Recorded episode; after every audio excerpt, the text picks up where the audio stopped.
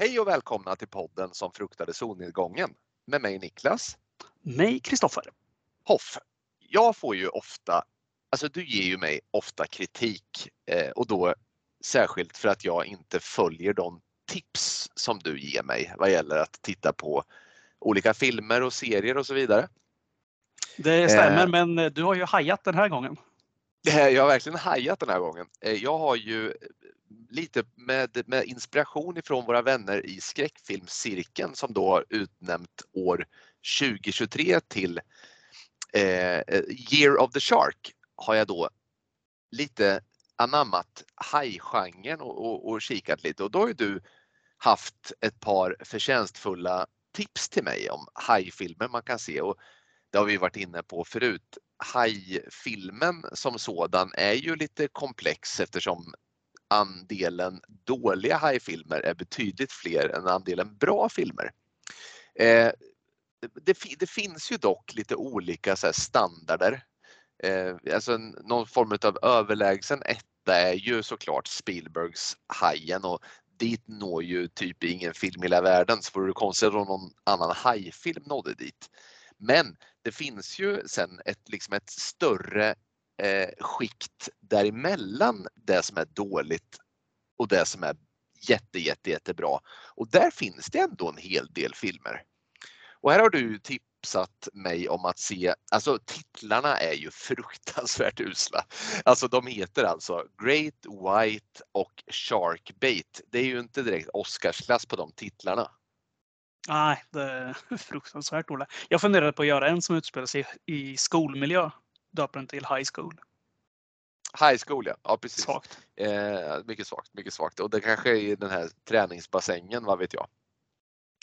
Eh, jo men alltså Sharkbait till att börja med. Vi ska kanske inte hålla på och spoila de här nu då men jag vill, jag vill ändå komma in lite på Sharkbait för, för den bygger då på en, en samling människor som är mer eller mindre moraliskt förtappade som så många gånger i den genren som ger sig iväg på ett par stulna jetskis och finner sig själv då, en liten olycka som sker där ute så är de liksom strandsatta på en jetski med, med, med en mordisk haj som kryssar under dem. Och den jäveln är inte så dum alltså. Det, det, alltså, det var lite som vi har mässat om där. Man, man får bortse ifrån de mycket bleka karaktärerna. Man får bortse ifrån att det finns ett par scener där CGI-hajen är fruktansvärt ful. Men jag tycker nog ändå med handen på hjärtat och det är en film som ändå får runt 4 på IMDB. Alltså att de bra scenerna överväger de dåliga i den här filmen. Vad, vad, vad, ja. vad, vad tycker du? Nej, men jag håller ju med dig. Jag, det här var ju en av dem. Jag såg ju tre stycken där för ett bra tag sedan och det här var ju, det var ju dels den här och så var det ju The Grey, eller Great White och Reef 2. Och det var ju den här som jag hade minst förväntningar på. Jag tyckte ändå den här var den som, ja men den överraskade. Kanske för just att betyget var så pass dåligt så blev den bättre. Det, mm. det är någonting när man har de här, när man inte har några förväntningar alls, då växer ju ofta en film till det bättre. Ja men, sen, ja, men ja, ja, och sen så vad gäller den här genren då måste man ju på något sätt vara ändå så pass intelligent att man, att man på något sätt vet vad man har att vänta. Eh, och jag mm. tycker att den här, den här Great White, den var ju egentligen som film betraktad, den får ungefär samma betyg, den också runt 4 på IMDB. Som film betraktad är den en klass sämre. Men jag tycker att förtjänsten i den filmen istället var ju att eh, där får vi ändå lite mer så att säga bakgrundshistoria till några av karaktärerna. Eh, alltså man bryr sig ju lite mer om gänget i den filmen kan jag tycka. Sen är det ju, där är ju CGI-hajarna, alltså scenerna, de usla scenerna är betydligt fler här. Men jag skulle bara vilja, nu babblar jag, men jag, jag måste bara få lyfta en scen där jag liksom skrattade högt det är ju utan att spoila här nu utgången på något sätt så är det ju en, en i det här gänget som då hänger på den här lilla gummijollen som de flyter runt på i havet. Han är, han är ju en sån här värdepappersanalytiker, någon form av aktiemäklare och eh, statistiker och värdepappersanalytiker. Och det gör han ju klart att det är han. Och jag vet inte, liksom, jag är ju inte någon värdepappersanalytiker själv. Jag kan tänka mig att man behöver titta på årsredovisningar och kanske långsiktig och kortsiktig betalningsförmåga. eh, skulder, eh, budgetar för nästkommande år och så vidare och så vidare för att på något sätt få en bild av hur ett företags aktie kan komma att gå. Men, men, men han, han menar då att han med hjälp av sin aktiemäklarkunskap då kan göra en trovärdig analys och prognos över hur utfallet med den här hajen kan komma att bli. Det tyckte jag var mycket, mycket underhållande. Att han, han, bedömde, han bedömde utsikterna till 5 sa han, eftersom han är aktiemäklare. Det var, det var väl väldigt roligt. Ja, det, var faktiskt väldigt roligt. Det är ju han, man vill ju ha med sig honom och eh, Rest in Peace, men Stephen Hawking kanske. Tänk att ha haft dem ja. två i, i varsin del av den där jollen. Ja, Stephen Hawking hade ju man... rykt jävligt fort. Om inte annat så hade man nog kastat i honom efter ett tag. Ja, alltså, ja, precis. Man kanske hade ledsnat på all den här statistiken och icke, liksom, det finns inget som hjälper det finns ingenting som hjälper av att få veta hur usla odds man har när man sitter i en gummijolle med en haj under. Det, det, liksom, det, det, talar sitt eget språk kan jag tycka. Rätta mig om jag har fel men det var ett bra tag sedan jag såg den här. Men visst är det så att han också inte, han vill liksom inte ro den här flotten heller. Han, han är liksom bättre än alla andra va? Så han inte ja, han är bättre än alla andra. Och dessutom så kostar han på sig att eh, ha, var jävligt sotis också. Det är någon sån här stackars ja, men så här, kocken Benny som hamnar i hans skottglugg liksom för ett otrohetsdrama mitt uppe i allt. Ja, det är väldigt underhållande och väldigt, väldigt dumt. Men återigen, inte heller den är, nu har inte jag sett Reef 2 än, jag ska ta mig an den. Men fan alltså, jag tycker hajgenren, den har något. Det är ju någonting alltså som gör att det blir, det blir ju inte, det blir ju inte tråkigt alltså om man tycker att det är kul med, alltså, nu, vi, vi tillhör ju båda den skolan som kan ha överseende med sånt här. Det är, det är rätt schyssta filmer. Se dem utefter att de har fyra på IMDB och du ska icke bli besviken. Det är omdömet. Och eh, om du tror att någonting ska hända i filmen, du kan nog ge dig fan på att du kommer att ha rätt där. Det var väldigt roligt där. Eh, vi ska snart släppa de här filmerna, men eh, det var väldigt kul när du skrev till mig på båda filmerna vad som skulle hända efter ungefär tre minuter. Och eh, föga förvånande så hade du ju 100% rätt här också. Ja, det var sjukt för att det, det, var typ två till tre minuter inne i filmen som man kunde tala om exakt hur utfallet skulle bli. Ja, och det är klart, de är förutsägbara så inåt Norden, men det, det gör ingenting. Nej. Eh, du, nu ska jag lämna över ordet till dig istället och fråga. Nu fick jag liksom lite utrymme här och, och berätta vad jag har sett. Har du hunnit se någonting sedan vi pratades vid senast? vet du, jag har varit otroligt dålig på att se på tv och film den här tiden. Det har blivit såna här kvällar som eh, man har eh, stängt ner alldeles för tidigt. Så jag har haft några så som bara har gått på i bakgrunden. Så här. Jag har försökt ta mig igenom några riktiga så här, skitfilmer när man har somnat. Eller somnat när man håller på somnar. Så att senast såg jag en film med någon som har, med en, med en skådis som har tappat allt tycker jag du vet som Bruce Willis gjorde. Nu, han kan skylla på hur mycket som helst att uh, hans afasi och allt möjligt slog till. Men du vet ju hur hans karriär gick. Den bara gick ju mm. spikrakt neråt. Precis mm. som De Niro har börjat göra. Du vet, han har ju också börjat göra så jävla mycket skitfilmer som bara trycks ut. Så här, lite halvkass actionthriller och sådär. Mm. Och samma sak har ju antisemiten på senare år, Mel Gibson börjat göra också. Det är också så här bara mm bedrövligt. En man som ändå så här innan eh, den här, eh, de här tråkigheterna med att han söp lite och kallade judar lite för eh, tråkigare saker. Så var han ändå ett namn som för mig stod ofta för kvalitet. Det var liksom, ja men Mel Gibson är en ny rulle, det här kommer ändå vara bra. Ja, ja, jag, i min värld så är han ju ändå en av mina all time favorites. Jag har alltid älskat Mel Gibson. Absolut. Alltså ingen dålig skådis, men han väljer ju sådana skitfilmer numera. Det är säkert så här, får lite kalla handen av Hollywoods elit misstänker jag. Men alltså jag såg en film som hette Boss Level. Du hör ju namnet. Alltså det, är inte, det här är inte bra. Det med en annan sån här, är, det är ganska stor avsaknad skulle jag säga på de här gamla 80-talshjältarna, alltså actionhjältarna. Som ändå var, ja men du vet, Arnold, Sly och Chuck Norris och så vidare. Det finns liksom inte många av dem där kvar. Och, jag, och nej, The Rock är för mig inte en av dem. Han liksom nej, absolut inte. Och Mark Wahlberg likadant. Han är inte där. Men det finns en snubbe som heter Frank Grillo. Vet du om det är? Nu ska vi se. Frank Grillo? Nej, inte på rak arm. Han var med i bland annat Purge-filmen. Han brukar ofta spela någon så här. Han är med i någon av de här Avengers-filmerna också. Spelar någon onding. Ja, du vet så här, lite för gammal för att vara för att vara snygg nog för att spela liksom hjälten. Och lite för dålig skådis. Googla han lite snabbt så känner du säkert igen honom. Men, jag gjorde det as we speak. Ja, jag känner igen honom mycket väl ja. Han spelar givetvis någon så här misslyckad farsa. Så, och Naomi Watts, före detta man, Naomi Watts har också gått ner sig. Det är tråkigt.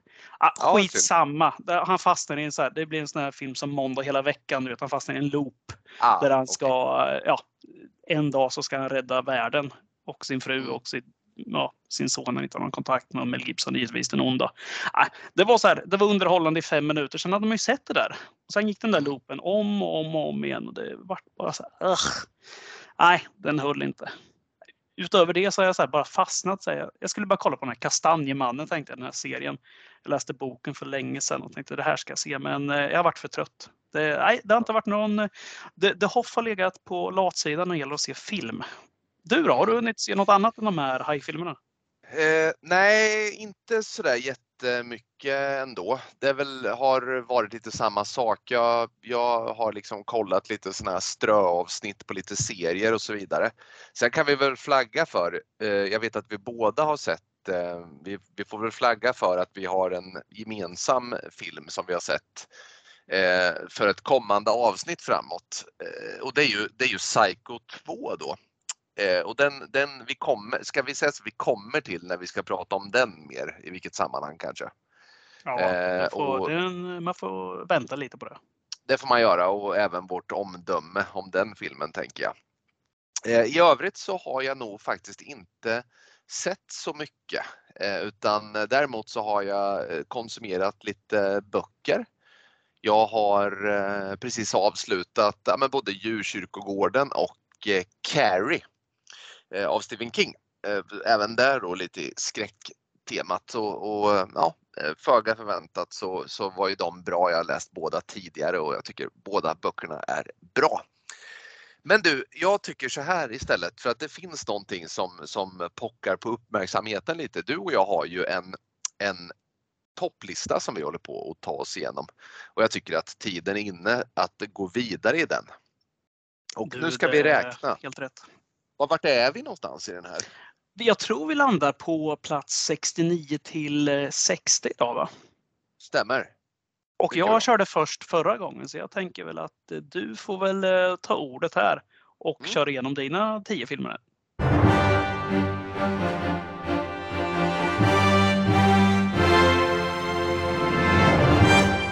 Podden som fruktade solnedgången. Topp 100 filmer. Plats 69 till 60. Men du, då gör jag så här att jag ger mig vidare då på listan och säger så här. Plats nummer 69 på Niklas topp 100-lista över bästa filmer. Ed Wood. Och det är alltså Tim Burtons film om den här eh, mycket eh, excentriske och härliga filmskaparen som ligger bakom eh, Plan 9 from Outer Space till exempel. Med Johnny Depp i huvudrollen. Har du sett den filmen? Ja, en av mina favoriter med av just eh, Tim Burton. Den är, ja, men den är fantastisk och man gillar ju, alltså, man gillar ju Ed Wood, alltså, man gillar ju den typen av människa också. Som, vet du vad? Eftersom Nicke Björk alltid säger tror på projektet. Snacka om att ja. tro på projektet. Ja, ja, och att han är så jäkla...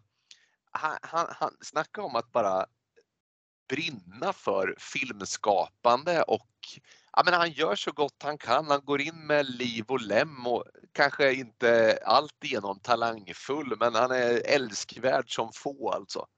Kan man tänka sig att en sån person inte hade gjort bort sig lika mycket idag kanske? Alltså finns, nu finns det ändå en plats för en sån person. Då ja. tror jag inte det gjorde det på samma sätt. Liksom, det gick inte att göra.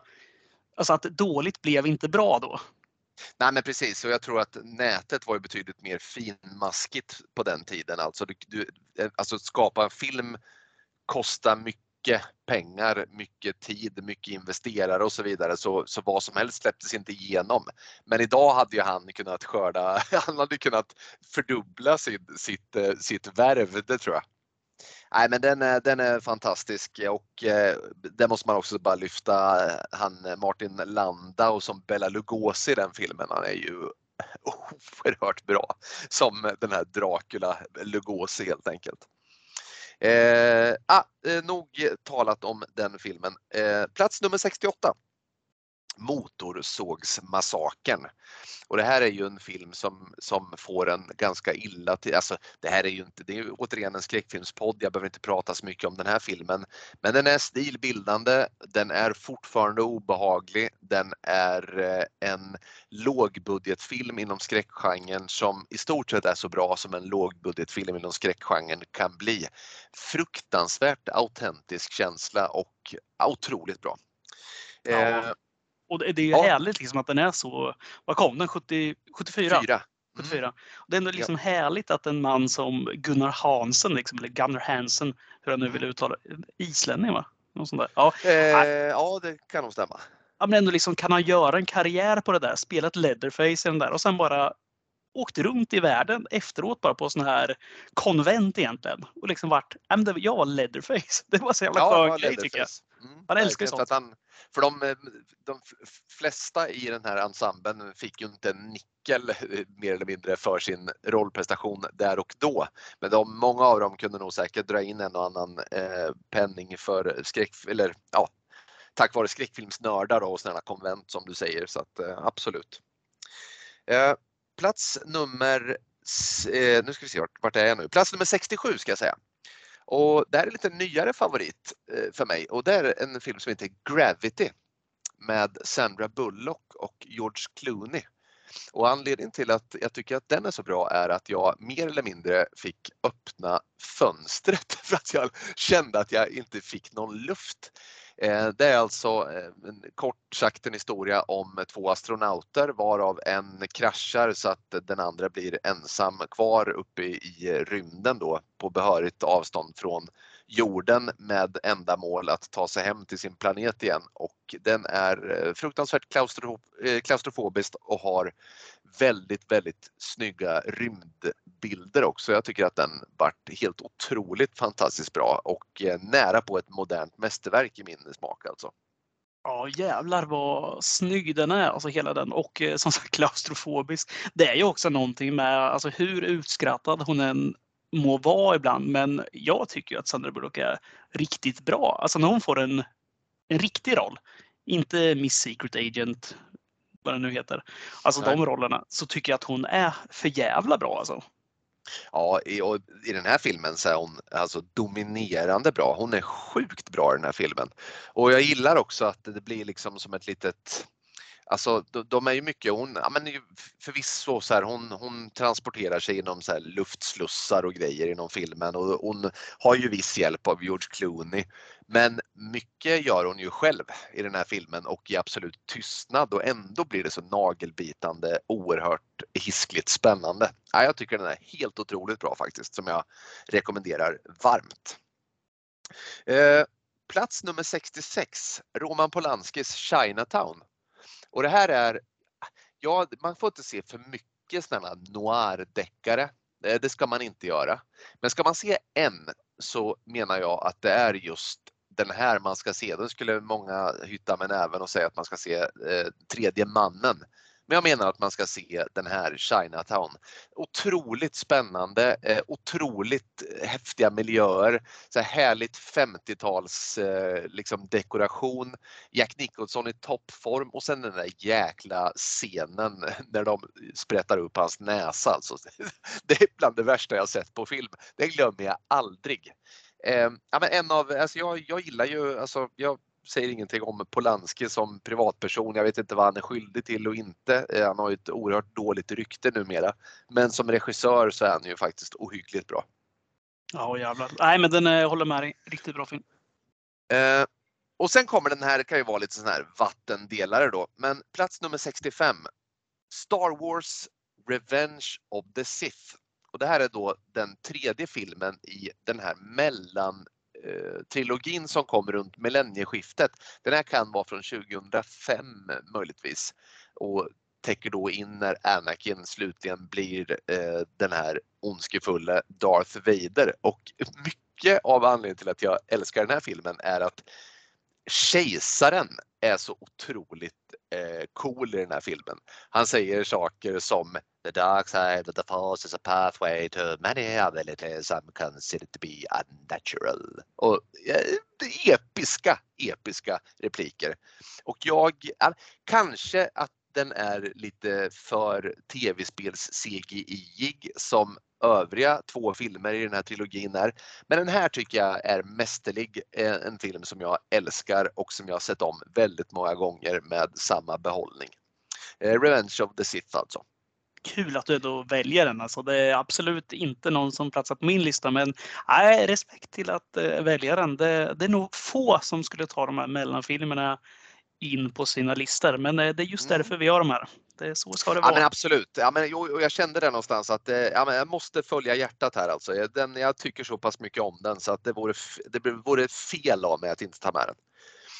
Eh, plats nummer 64.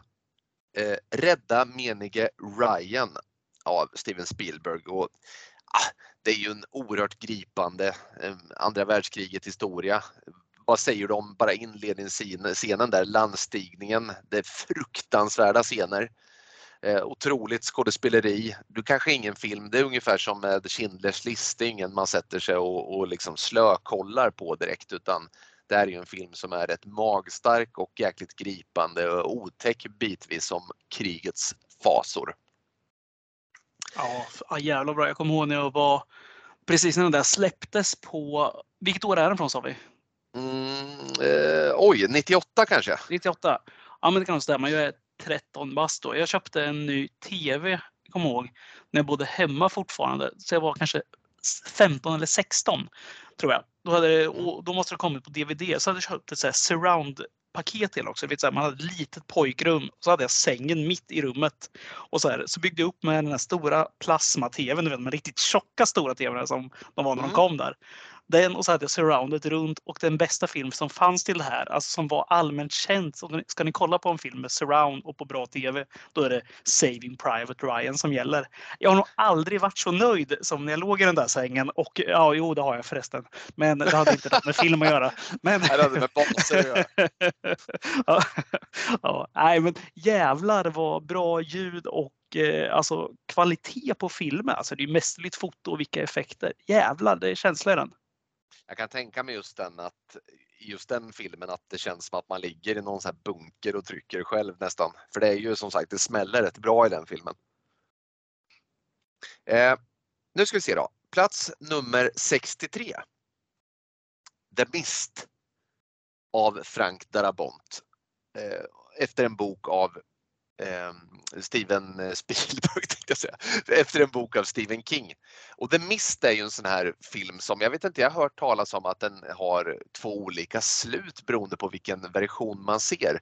Eh, och det vill inte jag kännas vid. Den filmen jag tänker på har ett slut som är eh, ganska mörkt och dystert.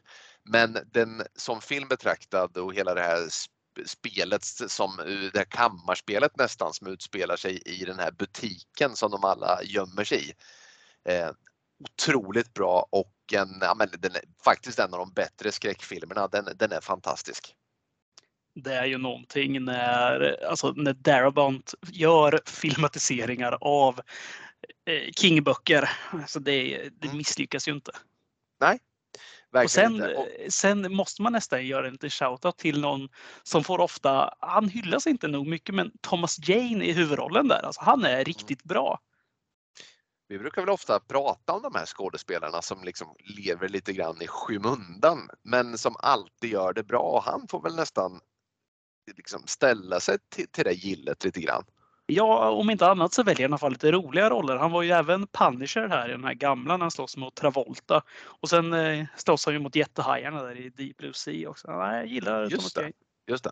Nej, han gör absolut inte bort sig och eh, ja, men han är riktigt bra i den här filmen. Eh, nästa Stephen King då. Eh, det här är också en film som du inte har med på din lista kan jag lova. Eh, och vi kanske får anledning att återkomma till den. Plats nummer 62. Och då är det versionen från 2017, del 1, där som jag har på min lista. Och jag är ju ett stort fan av den här historien. Alltså jag har läst boken, Jag har lyssnat på boken. Jag är uppvuxen med den gamla serien, miniserien som kom på 90-talet. Eh, men jag tycker att den eh, fick, se, fick se sig slagen på alla sätt av den här nyare It. Ehm, det är ju alltså problematiken som båda må dela då, i, i, om, man, om man väger in boken i sammanhanget är att de, de får lite problem med att gestalta dem i vuxen ålder det tycks, jag vet att vi ska, vi ska inte hålla på och gidra för mycket om det nu för vi har väl nästan eh, planer på att ha ett eget avsnitt om de här filmerna så att jag låter det vara så. Eh, för mig är den här filmen, den första filmen, helt otroligt bra och jag kanske har sett den fem gånger redan fast den kom 2017 så att jag, jag, jag älskar den och den är med på min lista. Plats nummer 61. The Game av David Fincher. Och det här är ju en film som man ser en gång i stort sett, i alla fall en gång och sen tar det nog ganska lång tid innan man ser om den. Men det är någonting med just det där katt och råtta spelet. Eh, Michael Douglas i hög form. Det här mysteriet som nystas upp ja, det finns lite sådana tillfälligheter i slutet som man undrar hur de har räknat med att det ska funka som det gör och så vidare. Men eh, nagelbitarspänning i David Finchers The Game och en riktigt, riktigt schysst thriller. Ja, en av de bästa faktiskt. Ja, den är riktigt bra. Det var också en av de första lite med, de här, med den twisten. Ja. Eh, känns det som. Exakt, den här kom 97 och det var ju också en ordentlig twist. Mm. Och det är ju ganska intressant för det för oss in på min plats nummer 60 här som kanske är twisternas twist då. Och då är det Brian Singers eh, De misstänkta, The usual suspects. Och ja, den kanske i beroende på lite vad jag är på för humör skulle kunna hamna högre upp på min lista.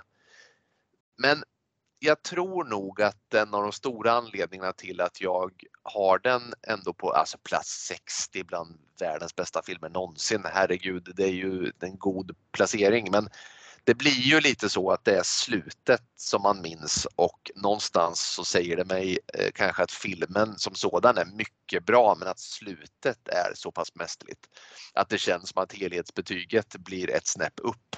Men, eh, men du sa det själv där, en av de här alltså twist-filmerna där som kommer i mitten av 90-talet. Eh, och det misstänkta är väl, är väl kanske kejsaren i sitt slag helt enkelt. Så plats nummer 60, Usual Suspects. Kul! Ja, vi har inte samma filmer än så länge och det är väldigt roligt. Ja. Eh, underbart. Nej, men du, kul lista. Det var, mm. Man inser också att man har glömt några på sin lista, topp 100. Som man kanske säger, ja. just fan, det där kanske man skulle haft med. Och, men samtidigt har den fått stå, um, stå pall för någon annan film istället som kanske platsade ja. in istället just då. Så är det, absolut. Just då är då, något man ofta får säga när man gör de här listorna.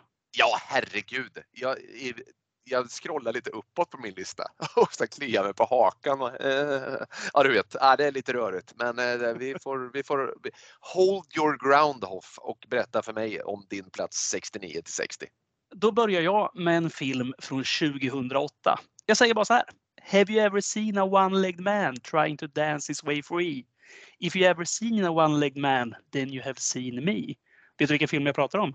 Ja, du pratar om The Wrestler och det ledmotivet av eh, vår gemensamma kärlek Bruce Springsteen. Jajamensan! Av Darren Aronofsky. Ar Ar Aronofsky, förlåt. Lät som helt svenskt där. Otroligt bra. Alltså, Mickey Rourke, hur, hur jävla bra är han inte i den filmen? Det känns som att hans liv fram till den filmen gjordes har präglats av att få den rollen. För ingen skulle kunna göra den bättre än honom. Det där är väldigt intressant. Nu ska inte jag ta över här på något sätt. Jag vill bara säga att The Wrestler kommer inte vara med på min lista, men det var en sån som höll på att kriga om att precis komma in på den om du förstår vad jag menar. Men mm. fick stå åt sidan. Men jag, jag tycker den är fantastisk också fan, man är så, jag är så jävla svag för du vet, så här, Glory Days-filmer. Liksom, när någon verkligen pikar i sina karriärer och sen att det har gått lite ut för någon är på väg tillbaks och så vidare. Alltså det, jag vet inte, det tilltalar mig något fruktansvärt. något annat som tilltalar mig väldigt mycket, plats 68, då kommer en sån här episk lång film, tre timmar lång. Den här filmen har jag sett, jag vet inte hur många gånger, jag har säkert sett den 15 gånger. Kommer från 1993. En av replikerna låter så här. Sangre por sangre, blood in, blood out. Den har du sett? Det har jag absolut gjort. Den här oerhört långa fängelsefilmen om de här tre barndomsvännerna vars livsöden skiljer dem isär. Jajamän. Från 1993, Blood in Blood out av Taylor Hackford. Alltså det är ju något med så här, crime, fängelsedrama. Alltså det, det är fan mumma. Är så här, jag kan se hur mycket som helst sånt där och det är, det, det är rått och brutalt. Alltså som, som oss tv-serien. Jag, jag älskar det. Det är så Ja, jävla bra. otroligt bra. Men vi kör tvära kast här. Plats 67. Då kommer en film från 1997. Livet från den ljusa sidan. Eller As good as it gets av James L. Brooks. Med Jack Nicholson då. Som den här misantropen Melvin Judal. Och den har ju en öppningsscen där med en hund som kastas ner i ett sopnedkast som man inte glömmer i första taget. Nej, den är otroligt bra komedi. Ja, den är eh, fantastisk. Och är det inte jäkligt intressant? Vi pratar väl om, var det, lyfte vi inte för ett par avsnitt sedan, år 1997 och massor filmer från det året. Mm. Och vi tog inte med Livet från den ljusa sidan eller The Game som är med på min. 97, 1997 måste ju vara tidernas bästa filmår. Eh, plats 66, The Great Escape från 1963. Och det kanske är det mest fantastiska krigsäventyr som någonsin gjort av John Sturge. Och har du sett en bättre ro- rollista någonsin än det här? Alltså Nej, McQueen, Garner, Attenborough, Bronson, Pleasence, Coburn. Alltså det är helt otroligt den listan. Ja, det, herregud ja. Det var länge sedan jag såg den där, men den är fantastisk. Eh, han åker motorcykel i någon scen jag kommer ihåg där, Steve McQueen, som är jäkligt är en cool scen. Mm, ja, den är så jävla bra. Ja, vi hoppar till plats 65 och här en regissör som jag aldrig liksom fastnat riktigt vid. Det finns mycket bra filmer, men Oliver Stone och filmer från 1991, The Doors med Val Kilmer i huvudrollen då som eh, Jim Morrison, sångaren i just eh, The Doors då. Har du sett den? Jag har faktiskt inte sett den filmen, men jag ser Val Kilmer framför mig med håret som Jim Morrison. Är extremt lik just utseendemässigt. Och sen, eh, ja, det, du kanske inte visste det, men när Val Kilmer gjorde, han ville ju så jävla gärna bli castad då som just Jim Morrison. Och eh, han gick ju till någon sån sångpedagog och skulle lära sig sjunga som han, både ljust och Jim Morrison sjöng ju väldigt lågt. Alltså, så, vad säger man? Så här, vad säger man? Baryton? Säger, säger man så? Nej, jag är osäker på det. Jag Ah, skitsamma. Jag-. Nej, jag vet inte heller. Nej, sjunger i alla fall med väldigt mycket bas. Och eh, då lärde sig Val Kilmer sjunga på det sättet. Så han gjorde faktiskt en kassett då, som han skickade in med sin audition till eh, Oliver Stone. Då. En eh, med han, när han sjunger The Doors och en då Jim Morrison sjunger. Och så skickade han in det till eh, Stone och till kvarlevande bandet The Doors. Och de kunde inte höra någon skillnad på det, vem som var vem. Det är jävligt starkt alltså. Verkligen också visa att man vill ha en roll och gå in för det. Det kan man ju bara älska. Ja, jag älskar ju också Val Kilmer ska jag tillägga. Så att, eh, ja, det mesta med han blir ju alltid bra. Eller blev alltid bra. Det var länge sedan nu tyvärr. Mm. Eh, En film som jag inte tror du var med på plats 64 som jag tycker är fruktansvärt bra. En krigares själ, eller bara krigarens själ från 1994 av Lee Tamahori. Lee Tamahori kan vi sudda ut namnet på egentligen för han har inte gjort något vettigt annars. Men det här, den här är riktigt bra och innan han blev Boba Fett och innan han medverkade i Barbed Wire, då var ju Tem, vad heter han? Temuera Morrison. Va? Eh, Ja, precis. Jag vet vilken. Och det här är första filmen misstänker jag, för det kom ju en Ja. krigares, krigarens eh, hjärta, Hjärta. och krigarens. Ja, precis. Men den här första filmen, jag, jag har sett båda. Jag tycker båda är fantastiska, men du har rätt, de är inte med på min lista. Dock kan jag säga, det finns ingen människa i världen jag tycker ser farligare ut än han. Det är precis det jag skulle säga här, är just att Temuera Morrison, alltså det är ju detta våldsamma och nattsvarta drama. Alltså, han är ju den här urkraften Jake the Muss-Heek. Alltså det är en sån jävla måste-film alltså. Den är, den är stark alltså. Ja, det herregud. i skolan. Jag undrar om de inte gjorde det. Alltså, för det är så här, ja, jävlar, man, man mår inte bra där i början när han spöar på frugan. Alltså. Helt Nej, och han spör ju på allt och alla liksom. Nej, Ja. den, eh, den, eh, och han ser så jäkla, hans blickar, hade man ju kissat på sig om han fick. kan, kan det vara en man som gett det dåliga ölsinnet ett ansikte? Ja, det kan man påstå faktiskt. Skapligt. Va? Ja. Ja, ja, som när jag gör de här listorna, då måste jag alltid hoppa lite i genren. Så jag gillar att bryta av lite. Så att eh, plats 63 går till Alexander Paynes film från 2004, Sideways. Har jag sagt att jag gillar Paul Giamatti, annars säger jag det nu. Alltså det är ju två män som närmar sig 50 och åker på en vinprovning. Den ena för att glömma sin före detta fru och den andra, ja, för att släppa loss lite på alla sätt innan hans egna bröllop. Har du sett denna? Jag har sett Sideways. Ja, men minst den som, som, kanske inte riktigt min typ av film, men den är absolut den är bra. Den är väl också unisont hyllad misstänker jag, så det är väl jag som har fel misstänker jag här. Nej, man kan aldrig ha fel när det gäller sånt där, om det är bra eller inte. Men nej, jag tycker om den. Det är väldigt kul när han den här polaren står, den här Paul Giamatti är ju väldigt duktig på vin och står och Mm. provar en sån här Ja, ja, finare sort. Jag- är dålig på vin så jag ska inte säga något. Men eh, den här polaren står ju bredvid och bara håller med sig och sen klunkar upp sitt glas. Här. Sen- sen när de är klara där, så visar det sig att den här står och tuggar tuggummi samtidigt. Där. Det blir ett jävla liv. Det är väldigt roligt ändå. Samtidigt. Där. den upplevelsen. Ja, det är kul.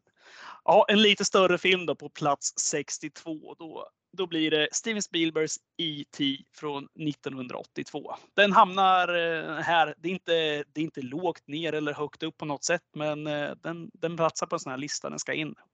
Det här, det här skrev jag om för ett par dagar sedan där med filmer som man grät till när man är lite för gammal. Och det är något med filmer med varelser som kommer och besöker oss och så tar fram det här goda i, oss människor. Där barns oskuld och värme kanske står i centrum. Det här, som träffar liksom mig rakt i hjärtat. Och det är något när IT ligger i det här sjukstugan alltså, och sjunger på refrängen. Då dyker den upp den där lilla klumpen i min 37-åriga strupe. Och någon börjar ju hacka lök där i bakgrunden. Alltså, det är tungt. Det är, alltså, jag vet fan. Det, ja, Nej, men den är så jävla bra. Jag tror att Steven Spielberg själv sa vid något tillfälle att om han bara fick ha gjort två filmer så skulle det vara den här och Schindler's list sa han. Så att eh, den står nog högt i kurs även hos honom just den här. Ja men du vet, den här, det här är väl, är inte det film med stort F på något sätt? Jaha, plats 61. Då blir det nattsvart istället då. No Country for Old Men från 2007. Ändå. Skulle jag tro, 2007. Ja. Bröderna Coen. Och eh, jag tror ju som sagt väldigt starkt på att väva in lite kontraster i dessa listor. Så, eh, här blir det inte så mycket medmänsklighet eller värme. Cynisk girighet kanske står i centrum istället. Och eh, med Texas långa motorvägar vandrar kanske eh, 2000-talets otäckaste skurk i form av Anton Chigurh. Chigurh. Ja, ja, som Javier Bardem som spelar. Har han varit? eh, Finns det någon otäckare jävel? Nej, den där frillan skulle man ha och gå runt i. Ja, den och slaktmasken. Ja, ja verkligen. Ah. Nej, men Bröderna Coen behöver man inte sälja in hos mig. Jag älskar i stort sett alla deras filmer och det här är inget undantag. Den är otroligt bra. Men nattsvart. Det finns inte mycket hopp i den filmen. Nej. Helt bortblåst. Jaha, plats 60 då. Och eh, här kommer en eh, för jävla fin film. Det är Le Grand Bleu. Det stora blå från 1988 av Luc Besson. Och det är ju något med våra hav och människans strävan där efter att vilja utforska det okända som gör sig otroligt bra på film. Och sen Jean Reno. Är inte den lite så här snubbe som också är alltid bra? Ja, Jean Reno är det aldrig något fel på. Leon. Ja, men han har alltid det här lite så här kufiska uttrycket i ansiktet också. Ja, han är lite som att han precis har vaknat och undrar vad fan som hände liksom. Och så franska på det. Hoho. Ja. Ja, men som lite så här surikat när han dyker upp. Så här. Jaha. Så, nej, Nej, nej, jäklar. fantastiskt. Nej, men den är fin också. Så här, nej, du, hör ju vilka, du vet ju vilka typer av filmer jag gillar. När, när det ändå ska vara lite så här gripande och känsligt, alltså, då är de här filmerna perfekta. Jävlar vad bra den är. Jag tror att du faktiskt träffade in eh, min sambo eh, Malin. Om hon skulle göra en topp 5-lista över sina bästa filmer någonsin så är jag törs sätta pengar på att Det stora blå är med på den. Det, är en av, det har hon alltid sagt att det är en av hennes favoritfilmer. Så att ja, Ja, kul. Jaha, Mm. då har vi 60 filmer kvar då. Spännande. mycket spännande. Det blir bra. Eh, otroligt. Och du eh, Hoff, då tycker jag att vi egentligen inte håller någon på halster längre. Utan vi ska, vi ska slänga oss in i den här filmen som du valde. Fanns det Castle Freak från 1995? Fanns det någon anledning till att du valde just den? Eller vad har du för förhållande till den här filmen? Du, jag har inte mycket förhållande alls till den här filmen utan jag tycker att eh, Stuart Gordon som har gjort den är eh, lite härlig. Så, här. så Reanimator är ju en kul film som, eh, som jag gillar. Sen gillar jag faktiskt den här andra som han gjorde för med, med en annan favoritskådis, Christopher Lambert, den här Fortress. Fortress. Ja, ja, den tycker jag är trevlig. Ja, nej, men det, jag vet vad det är jag, som gör att jag gillar Stuart Gordon. Jag tror att det är den här. Han gör lite så här skit, får man säga, du vet som sleaze rock liksom så här. Det ska vara det är lite tabu det här, men det är lite naket och det, det är mycket så här skräp och snusk som ändå är lite så här, ja men det är ganska vulgärt. Ja.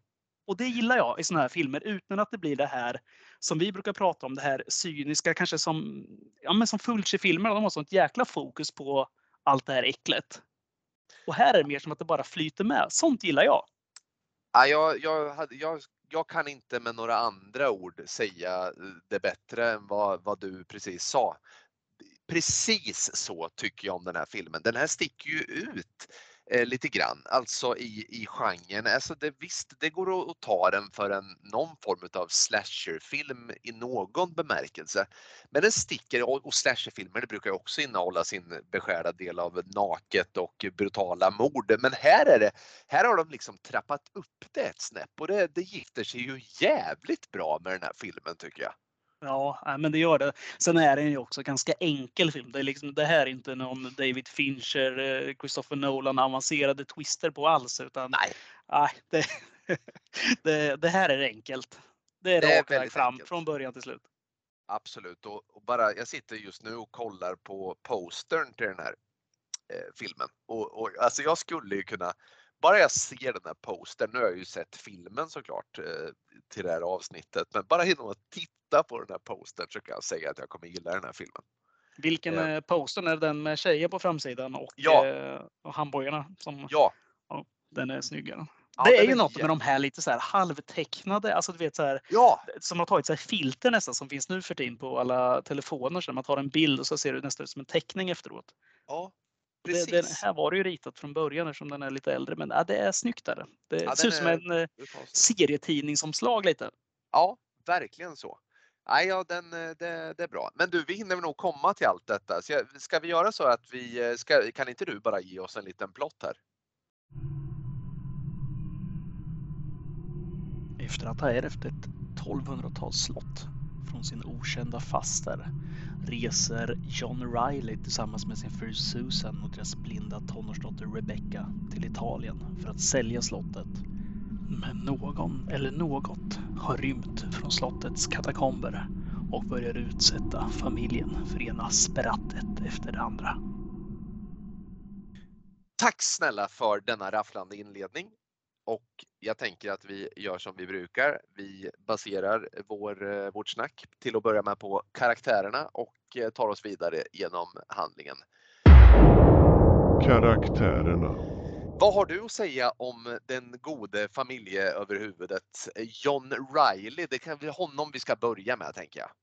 Ja, men det är klart vi ska börja med honom. Det är ju ändå huvudpersonen. Det är ju, vi kan väl börja med att säga att det är Jeffrey Combs som eh, spelar och det är ju otroligt återanvänd eh, skådis gällande ju, i just eh, Stuart Gordon-filmer. Alltså det är ju Reanimator ja. och From Beyond också ja. som eh, han är med i. Så jag tror att det här är det är väl tredje filmen här, men jag tror att de ändå har gjort så fem eller sex andra filmer alltså totalt.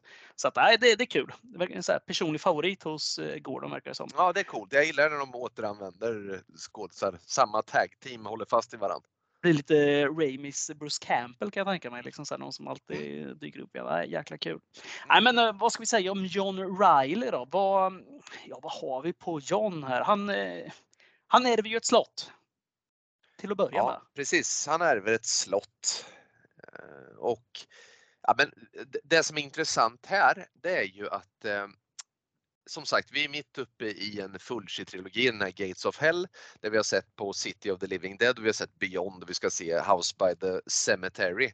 Men vi har ju ofta återkommit till att i de, i, i de filmerna så, så får vi liksom ingen eh, bakgrund. Och när vi säger ingen bakgrundshistoria till karaktärerna så menar vi ingen bakgrundshistoria till karaktärerna. Så därför tycker jag ändå att det, det presenteras, ja men det är klart det är liksom ingen palett alla Tarantino eller bröderna Coen här. Men vi får ändå en, en liten sådär bakgrund och vad vi får veta är ju att John Riley har ju dragit på sig sin eh, hustru eh, Susans ogillande i den här filmen. Och vi får inte omedelbart veta varför, men det är ju en ganska allvarlig schism som ligger dem emellan här eh, inledningsvis. Mm.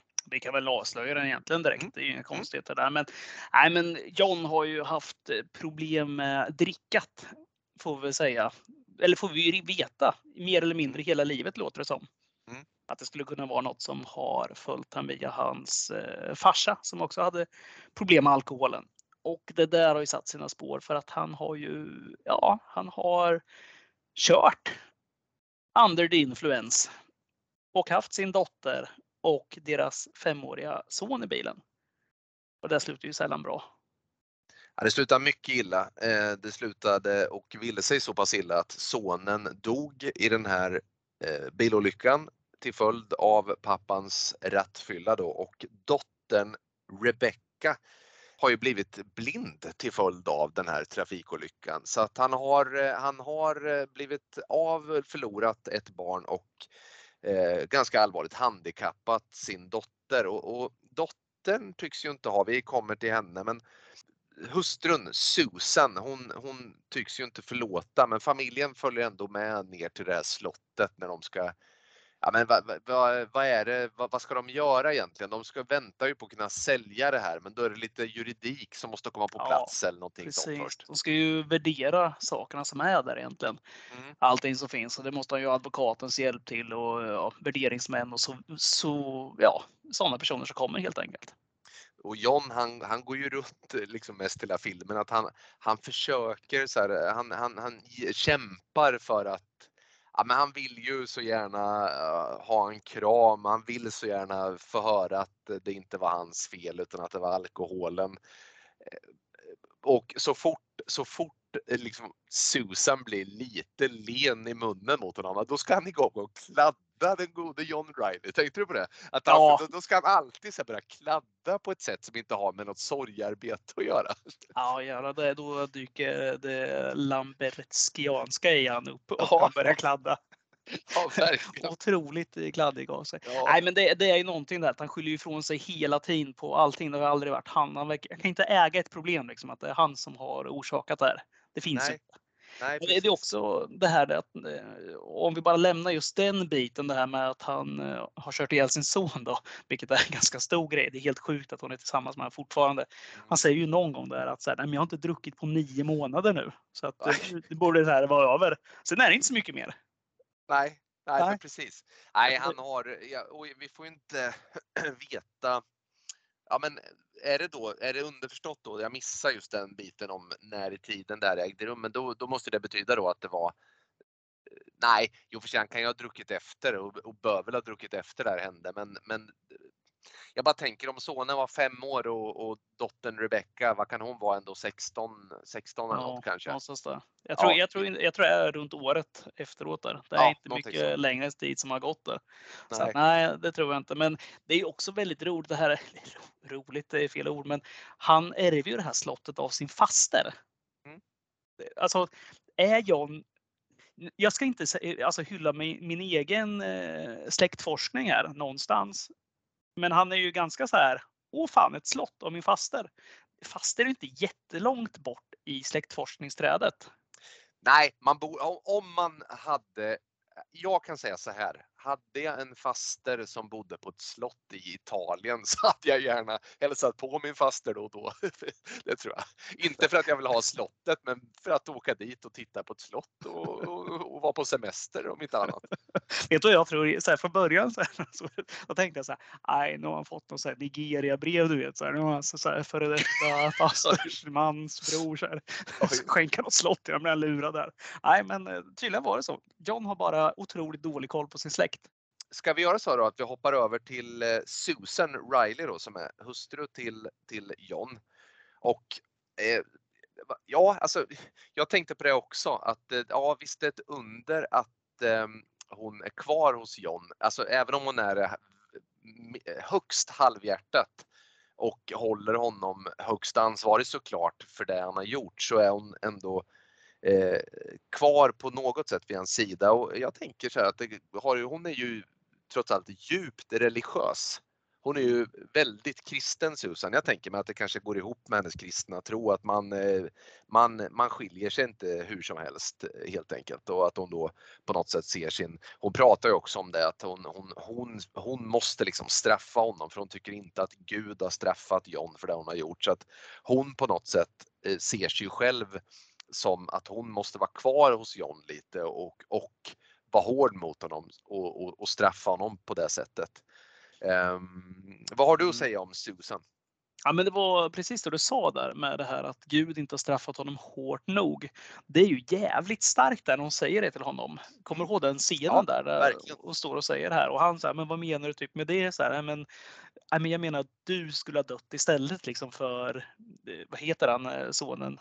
Jojo, heter han så? Eller något liknande? Ja, det är någonting sånt ja, precis. JJ var det va? JJ, ja. ja. Och det säger hon liksom rakt ut. Visst, det är lite så här raseri där eh, till honom, men ändå så här, man hör ju att det är, det är exakt så hon menar. Mm. Och det är ju bara så jävla hårt där. Man blir lite kall i kroppen. Så här, fan, så här, det är hårt sagt det där alltså. Det är väldigt hårt sagt och speciellt om du väger in det att hon är så väldigt from och eh, snäll och, och tycks vara en människa som vill allas väl då är det ännu hårdare för, för hon, hon, kan liksom inte uttrycka sig i hårdare ordalag än så. Det är det hårdaste hon kan och det är jävligt hårt. Mm.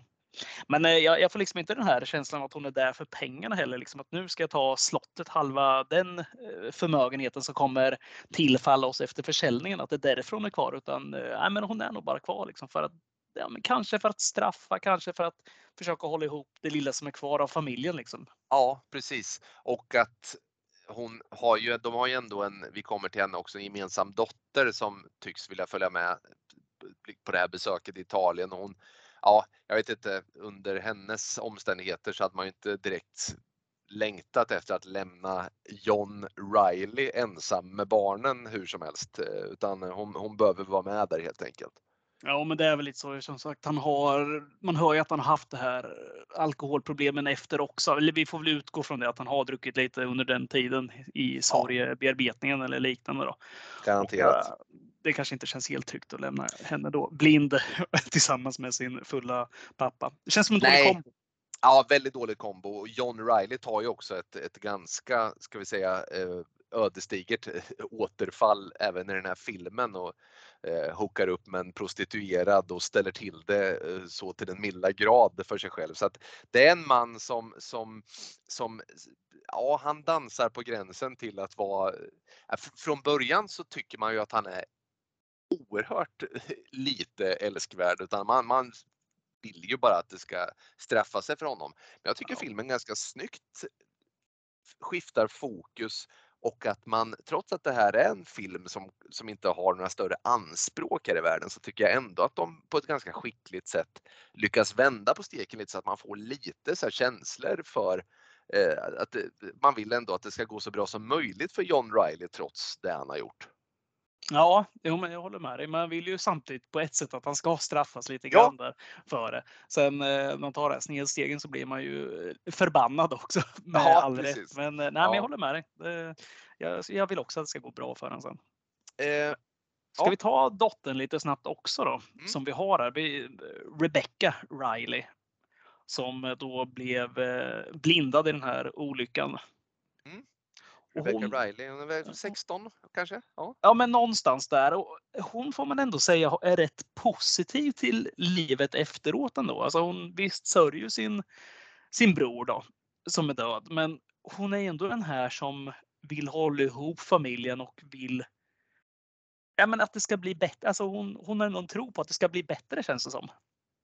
Absolut, och jag tror också att det är svårt som barn att helt bara Alltså, det är nog inte helt enkelt att oavsett vad ens föräldrar gör så är det ens föräldrar. Det kanske inte är helt lätt att bara svära sig fri från sin far utan hon kanske också, det får vi ju också veta lite i filmen, att hon på något sätt går den här kanske trons väg lite ihop med sin mor och hon kanske har en annan ingång i livet som någon form av tacksamhet då över att ändå ha klarat sig.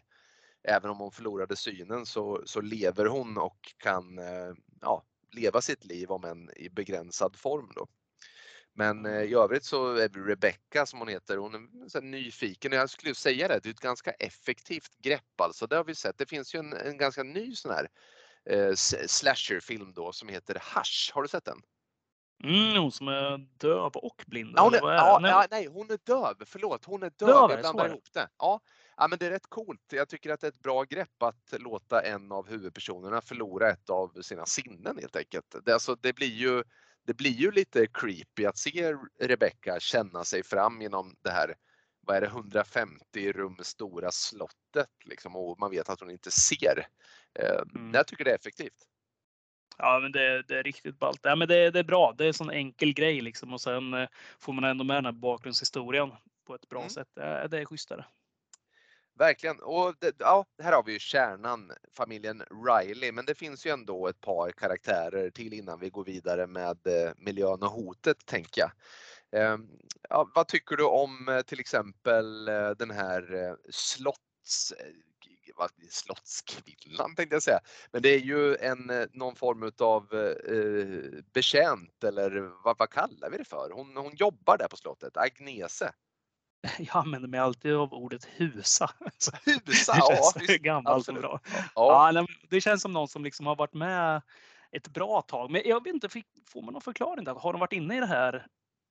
Har de varit i slottet tidigare där? Har hon jobbat under den här tidigare ägarinnan? Ja, jag får det eh, intrycket.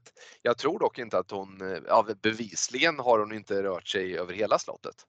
Nej, men hon är väl, jo, för hon är ju Precis. Nej, men hon, hon, har nog jobbat där, för hon är ju även syster till den här eh, Gianetti, va? som är ja. advokaten till advokaten, John. Riley. Mm, precis. Ja, nej, men de, de två, Agnes och Gianetti, de, ja, men de är ju såna här som bara, de följer ju med slottet så att säga. Ja, Han ska värdera upp det och hon eh, jobbar där så länge. Nej, men hon, hon är ju sån här som har, som alla så här, i, i såna här filmer, du vet så här, lite äldre tant. Alltså det, det är ju sällan vi får se någon som ser ut som en mormor som är snäll, utan hon ser ut som den är lite, lite häxaktig. Ja, men det gör hon. Det är det första man tänker också, att det är henne bör ni nog eh, stänga ute från det här slottet om det ska gå er väl. Det är känslan man får när man ser henne. Ja, nej, men hon är ju rätt snäll. Alltså det är ju inget ja, ont i henne. Absolut. Utan hon, är ju, läskig ut. hon bara lagar maten till dem. Så lagar för jävla god mat också. Ja, det absolut. Men det för oss in lite på den här Gianetti. Mm som är då den här riktigt så här slemmig italiensk advokat. Ja, verkligen. Jag bara ser honom suga i sig spaghetti så att tomatsåsen bara yr. Faktiskt. Han är också, det är väldigt roligt, eller roligt är ju hemskt, men det är också väldigt kul när han sitter och efter det här John, vi kommer till det sen också, det Johns lilla snedsteg råk, råkar ligga med en prostituerad. Nej, men det kan vi ta, det vi väger, väver in, det, det kan du köra på. Ja, men John tar ju det här snedsteget och berättar för sin advokat vad han har gjort där och advokaten skrattar lite lätt och säger, nej men den här tjejen är ju en prostituerad. Du, eh, alla har legat med henne, även jag. Säger han. Och det är väldigt roligt när han ja. säger för det blir så, så här absurt liksom att han säger och det. snackar om att här, sätta Italien i skamvrån där för att det låter ja. som att så här, så här händer varje dag. Ja, det gör ju precis i det djupt katolska landet så är det ändå, ja verkligen. Ja. Nej, men det, det, är väldigt, väldigt kul det där också för att vi ska inte fastna för nu Janetti vi pratar om, men när John Rileys tar den här snefyllan eller eh, återfallet och den här prostituerade kvinnan kommer fram till honom och han inte fattar någonting så tycker jag också att filmen gör det rätt snyggt. Det är inte så att man tänker åh gud vad härligt att han får hugg här nu när han är, när han är så full utan man förstår ju direkt att det här är ju, hon kommer ju hon kommer ta betalt och det är rejält för den här mannen. Ja, jag, jag tro- trodde att han skulle bli rånad där istället. Liksom. Ja, Det som var, sånt ja. eller att det skulle vara något, vet, en trans eller något så här dåligt som eh, på film brukar alltid vara ett dåligt tecken. Liksom. Är så här, Åh nej, nu kommer det inte gå bra här. Nej. John Ryder har ju ett fruktansvärt bra självförtroende just i den scenen också. Ja, När han sitter så, så packad som han, är på den här baren, där han är själv packad också. Och så går det fram, verkligen. kanske ja, men den snyggaste tjejen på, i den scenen i alla fall. Får man säga. Går fram till John Riley som sitter klassiskt filmad ner så här med slipsen på halvt uppknäppt, eh, skjortan helt på sniskan och håret åt alla håll. Trevlig han också mot bartendern. Ja, eh, riktigt otrevlig så här, och spiller ner sig. Och ändå där får han hugg och tänker att så här, nej, men jag, har nog, jag, jag har nog den karisman och utstrålningen som gör att jag, ja, hon vill nog ha mig. Som, som man bara har när man är Ja, så man packad. druckit- Ja. När man har druckit Ja. upp självförtroendet till maximum. Ja. Ja, Otroligt, otroligt, otroligt. Ja, Men eh, Gianetti i övrigt då, är det något annat som du tycker vi ska tillskriva den här advokaten? För han är ju ändå härlig den här mannen. nej, men det är, jag vet inte om det är så mycket mer. Alltså, han är bara så här, han är ju han är bara lite, ja men han är som en advokat är. Han är så här klämkäck och rolig. Men man vet ju Mm. också att han kommer suga ut varenda krona ur det här slottet. Verkligen, verkligen, verkligen, verkligen. Ja, men det för oss in på en annan, den sista karaktären vi har egentligen. Det är ju den här Agent Forte. Mm. Agent Forte. Alltså poliskommissarie Forte skulle man väl säga på svenska misstänker jag. För han är ju Eh. någon slags eh, snut där, någon lite högre, ja. Ja, man får ju känslan av att han mer eller mindre är polischef där. Mm. Och han är ju benhård. Ja, Det är ingen du buckar med. nej. Och han, ja, men, och, och jag, det coola med honom tycker jag att han har en väldigt ödmjuk framtoning offentligt hela tiden i filmen. Han, han för sig med värdighet. Det här är ingen, det är ingen Gunvald Larsson. Han är hård på ett annat sätt den här.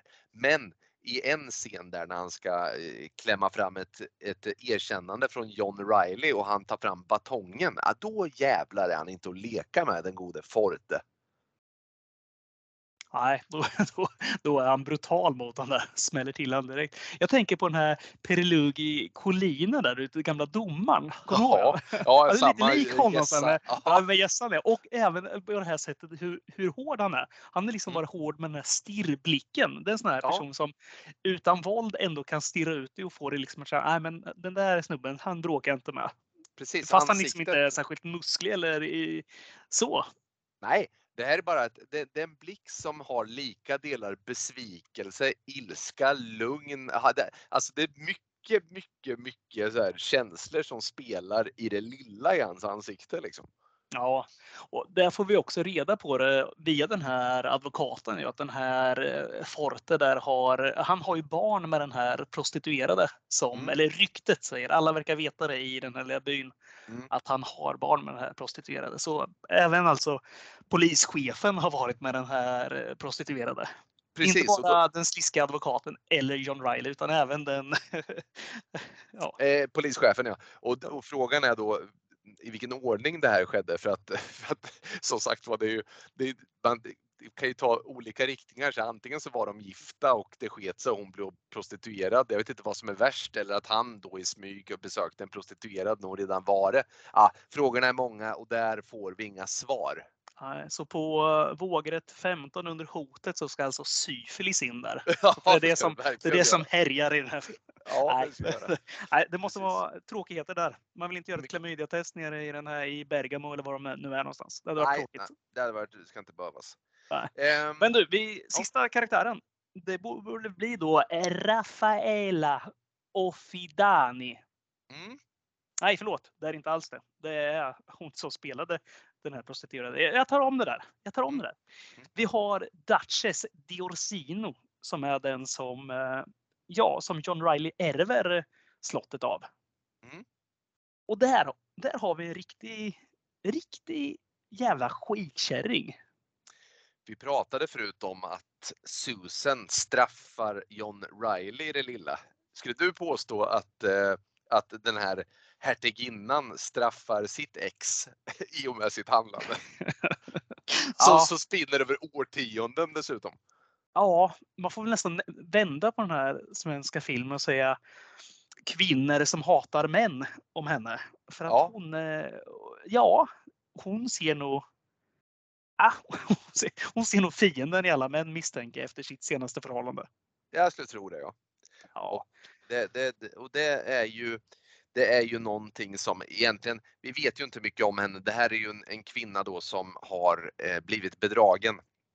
Och inled, det här är ju redan i inledningsscenen får vi ju se då att, att eh, en kvinna gör i ordning en eh, möglig macka och eh, jag vet inte vad är det mer den där mögliga mackan, den, någon, någon, någon mer vad får, vad får den här, det här, det här av, av kräket nere i... Ja. i vad, vad, hon gör någon... Enkelt sagt så får han väl liksom vatten och bröd.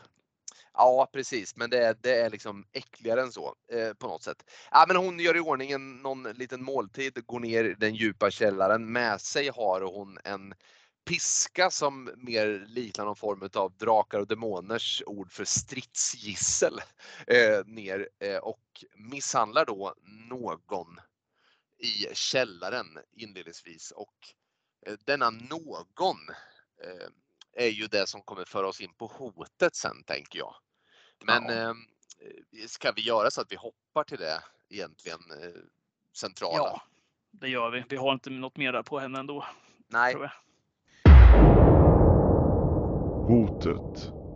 Nere i källaren, misshandlad av sin mor, hertiginnan, döljer sig någon. Där vilar någon, eller han vilar inte, han är fastkedjad. Hans kropp är utmärglad.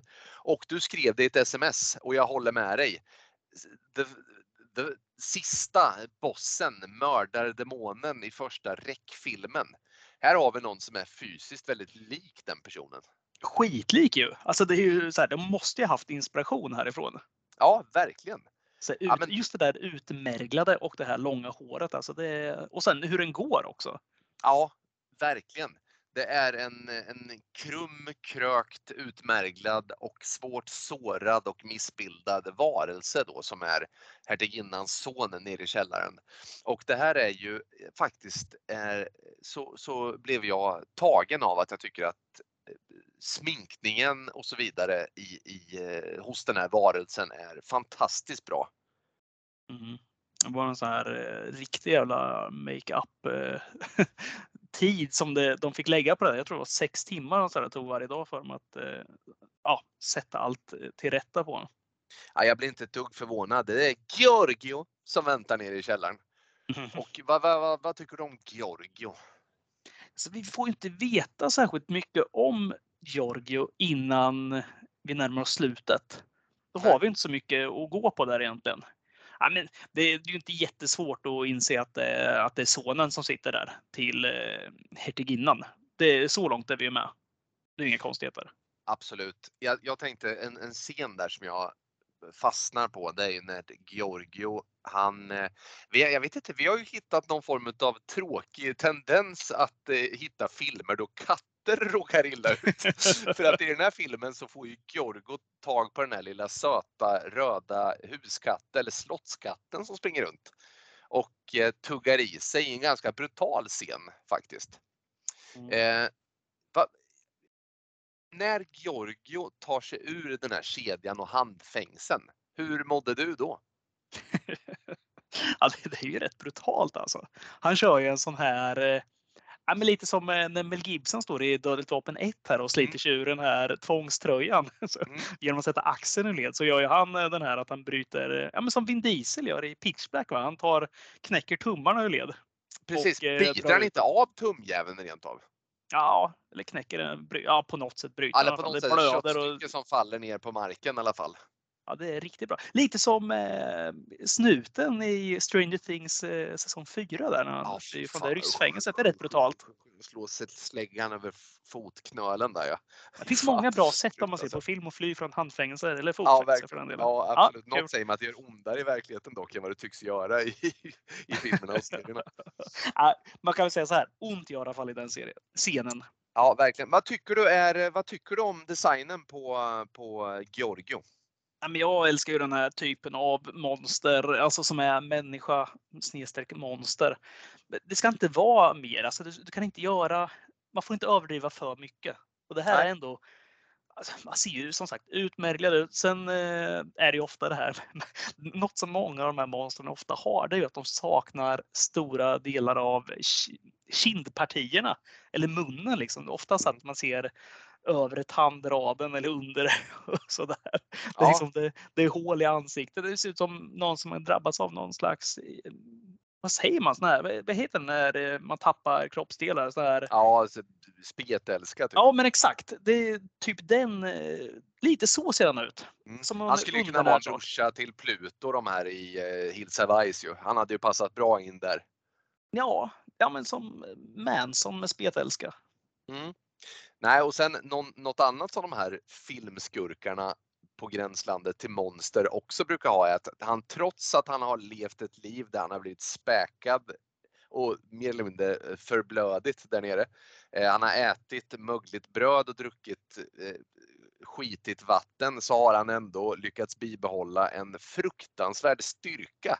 Eh, och här, alltså, här är ju bara, det är ju bara att acceptera att det förhåller sig på det sättet. Men, men, men det är ofta återkommande att eh, styrkan och, och mobiliteten och så vidare, det är inget fel på här. Ja, han har ju tränat något fruktansvärt också. Han har ju som de här det här handfängelset han har på sig. Det är ju en Mm. lång kedja som det där har suttit fast i. Han är Visst? också jävligt tekniskt skillad med det här så att han kan använda det som någon slags eh, lasso lite.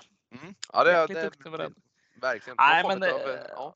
ja, när, han äter upp den här Ja, men han, det, det börjar ju med att den här och hon går i sitt öde till mötes av hög ålder, hjärtattack, stroke eller vad fan hon nu får och försvinner.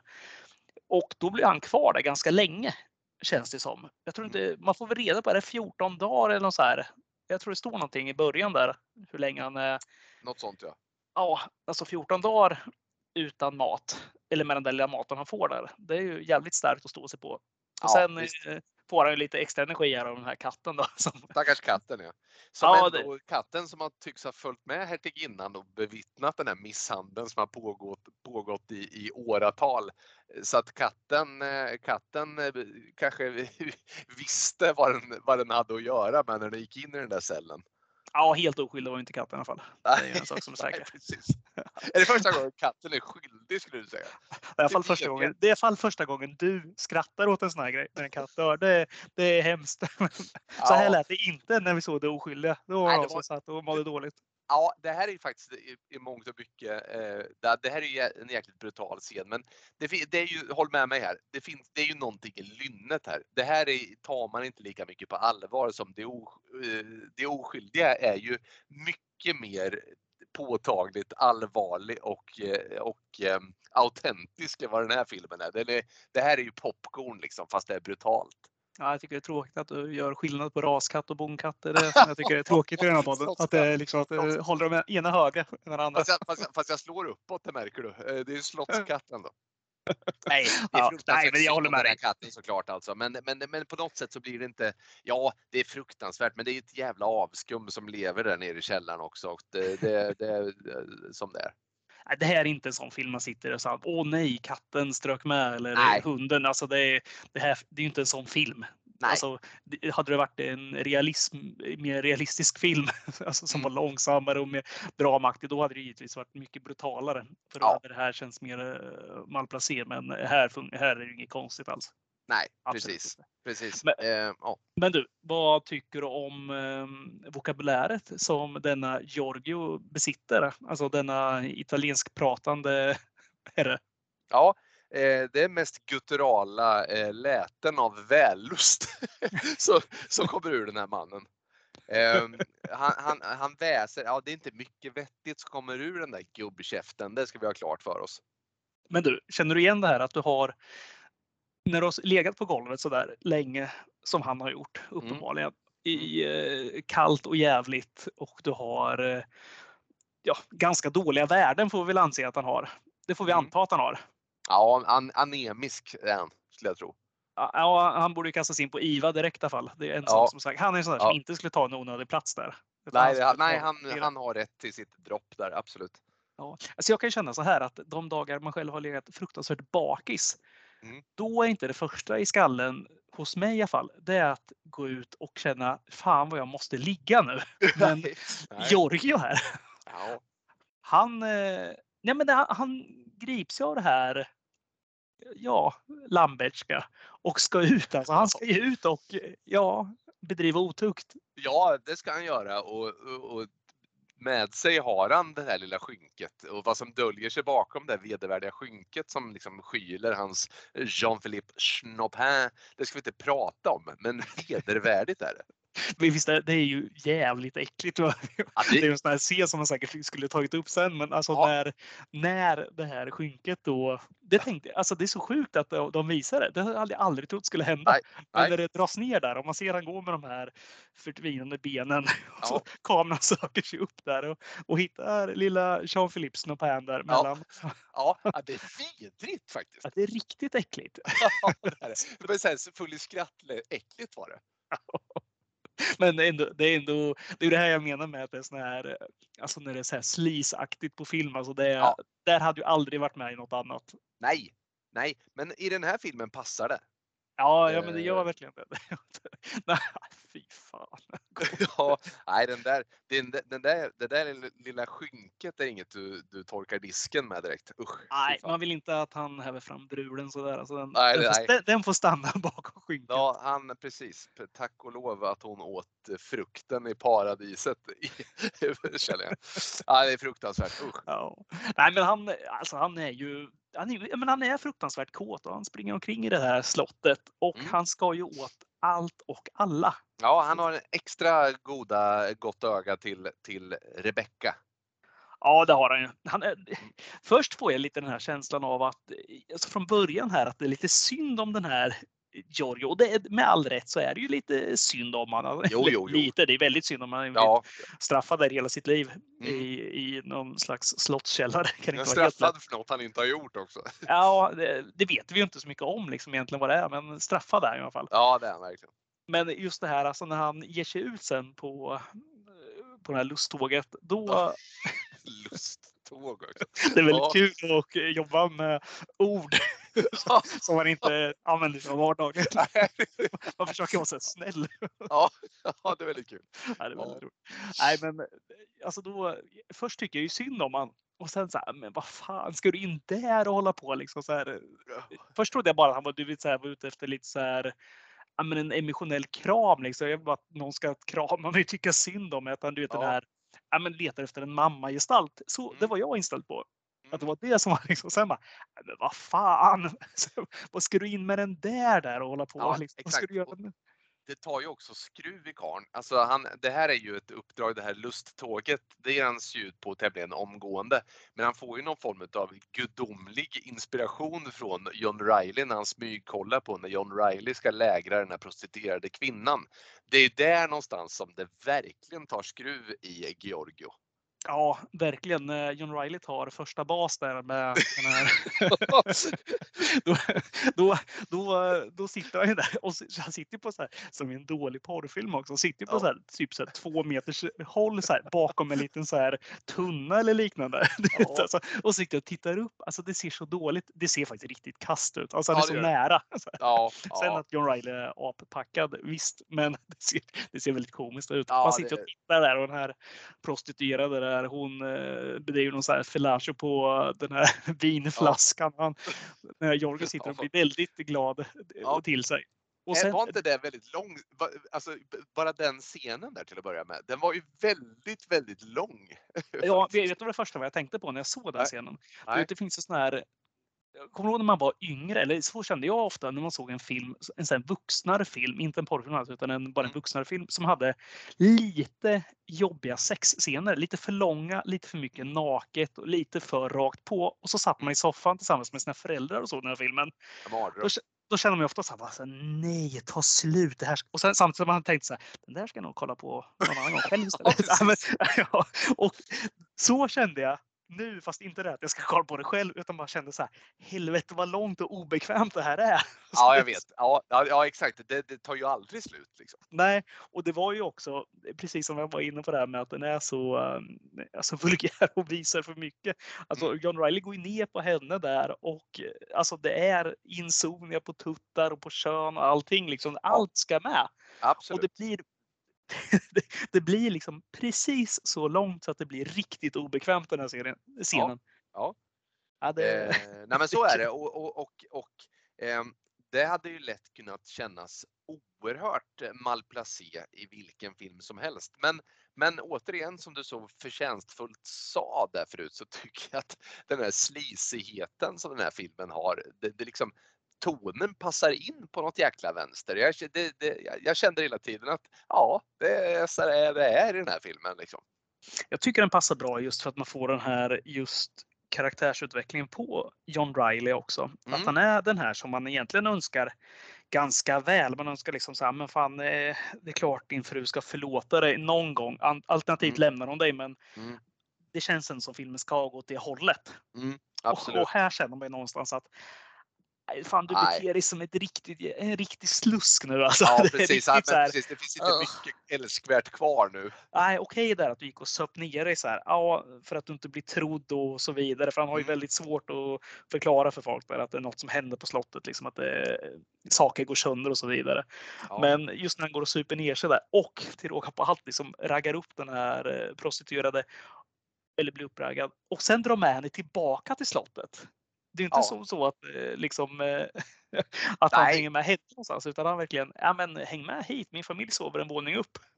Att får vara tyst, för det är ganska lyhört här, utan du tar hem människan istället. Han säger också det, du måste vara tyst för att det är ganska lyhört. Precis. Ja, det är Ljudet frakt- färdas i de här korridorerna. Liksom. Ja, men tänk Ja, liksom om du själv skulle liksom ta hem någon och sen bara på nedervåningen av ditt radhus. bara så här, Nej, var tyst nu för det är folk här uppe. Liksom. Nej, det, det är så... Nej, det, är svagt. Otroligt. Ja, han blir också påkommen här, John Reilly, med det här dagen efter där för att eh, den här eh, polisen, han, eh, ja, de börjar ju, de börjar ju undersöka det här försvinnandet för hon eh, hittas ju inte den här prostituerade. Och det är då eh, det, är då det kommer upp till ytan där vad han har gjort, eh, Mm. John. Och, då, och ändå är frugan kvar. Jo men exakt, men är inte det där jäkligt eh, alltså, berättartekniskt effektivt? Alltså, man vet att han då har, har lägrat en prostituerad som han har tagit hem. Eh, han tror att hon har gått hem. Eh, det har hon inte för hon har blivit eh, fruktansvärt illa behandlad av den, den lealöse Giorgio. Och, och hon är försvunnen. Det är liksom, han är så jävla inmålad som en människa någonsin kan bli, John Riley. För att han, han, han kan inte säga att hon har gått därifrån. Han kan inte säga att hon inte har varit där. Alltså han hamnar ju i en jäkla situation. Och det tycker jag var effektivt i den här filmen. Ja, ja, men det blir eh, effektivt. För det blir ju nästan än mer effektivt det här också att den här polisen som man har. Det är samma polis man har försökt berätta om eller för om det här eh, konstiga som händer. Mm. Som inte har trott på honom innan. De har inte ens Mm. velat undersöka. De har bara sagt att eh, spegeln gick sönder. Mm, Jaha. Och polisen är ganska oskön också. Tyckte du inte om vad du såg i spegeln? Säger Nej, precis. Och det, här- det, det där får man inga vänner av. Nej, det får man verkligen inte. Och eh, ja, när det egentligen var en, eh, det var mer så att säga legitimt att, att gärningsmannen av att ta sönder spegeln inte gillar vad han såg i spegeln. Så kan vi väl säga. Ja, nej, men det födde ju också den här hos John där att han, nej, men han vill inte ha med den där polisen att göra liksom, så han Nej. släpper ju inte in honom sen heller. Så att det Precis. blir ju liksom den här, eh, de, de skyr varandra som pesten han och eh, agent Fort. De Ja. eh, trivs ju inte alls i varandras sällskap. Så att, det, ja, det, det tycker jag blir väldigt effektivt just. Man fattar varför de eh, hatar varandra. Ja, verkligen. Men du, eh, du började prata om, jag tycker, ska vi hoppa in på miljön då kanske? Så vi, vi kan avhandla det här slottet lite grann. Du börjar ju föra en tes där om vad du tyckte om, om slottets eh, utsmycknad. Platserna och miljön. Mm. Ja, men det är ju ett, eh, ja, men det är ett riktigt sånt där jäkla Camelot-slott, liksom fast eh, förfallet. Det känns inte som att det, det är inte i sitt perfekta skick längre. Nej, det är stort. De säger att det är 150 rum stort och man får ju också känslan av att det är jäkligt stort. Även om de är långt ifrån i alla rum på slottet under den här filmen så får man känslan av att det är stort och, och inte så jättegästvänligt. Och, och vilket inte är konstigt eftersom den här hertiginnan ju aldrig hade gäster utan vi får ju veta i filmen att hon mer eller mindre var totalt isolerad i det här slottet ju. Mm. Sen har vi även den här, liksom, de här matsalen som de sitter och äter i. Det ser ut att vara ett eh, rejält gammalt. här. du vet, det är ju dammigt och skitigt och det här eh, köket känns ju som att det liksom har stått still i tiden. Det har liksom inte hänt någonting där. En lång Nej. sån här skorsten som går, känns som går 100 meter upp liksom, gjort i, i sten. Mm, precis.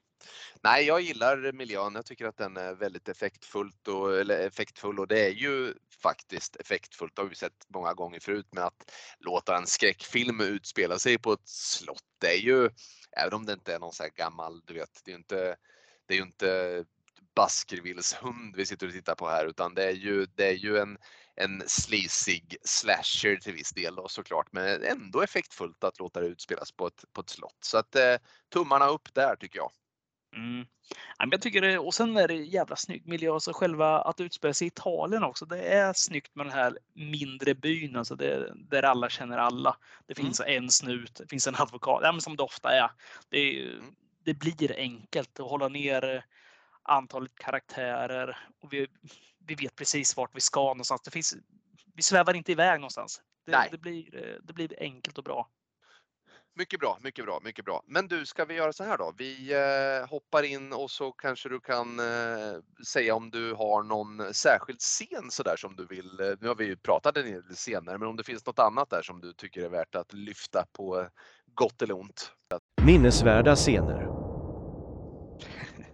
ja, men det, finns, det finns ganska mycket kul, men ska man ta något, ja, men ska man fortsätta på det här som är lite äckligare så är det ju när den här Sylvana, alltså den prostituerade, när hon, eh, när hon möter Gud får man väl säga, då, för som italienarna ofta gör när de dör, får vi anta. Det är ju när hon eh, springer in då i Giorgio, eller Giorgio hittar henne. Och han har ju sett vad John Riley har gjort med hennes tuttar. Han har ju pussat på dem. Men Georgino har inte riktigt eh, samma taktkänsla där eller samma, han har samma kontroll på, sin, på sina tänder. nej, men det är riktigt äckligt där när han eh, sliter tag i henne och sen, ja man biter ju verkligen sönder i sann Fulcianda får man nästan säga där. Så eh, sliter han, alltså det är ju alltså köttstycken, huden liksom separerar ifrån nej, det, det, gör ont där. Ja, det är en fruktansvärd scen faktiskt. Jag fick, jag fick faktiskt titta bort ett par gånger. Det var, det var fruktansvärt. Ja. Återigen, tonen är inte cynisk. Det är, det är liksom på något sätt så fattar man att det här händer ju inte på riktigt. Men det är ändå alltså oerhört bra effekter och alltså, osmakligt är det. Ja, verkligen. Nej, den är, ja, den är äcklig. Nej, men sen, jag, jag tycker liksom att den, jag tycker det är rätt schysst den här hela jakten eller vad man ska säga. Alltså när den här, när poliserna börjar komma till eh, slottet senare i filmen. När de ändå är där med en liten, eh, vad är de? Är de fyra pers där eller liknande.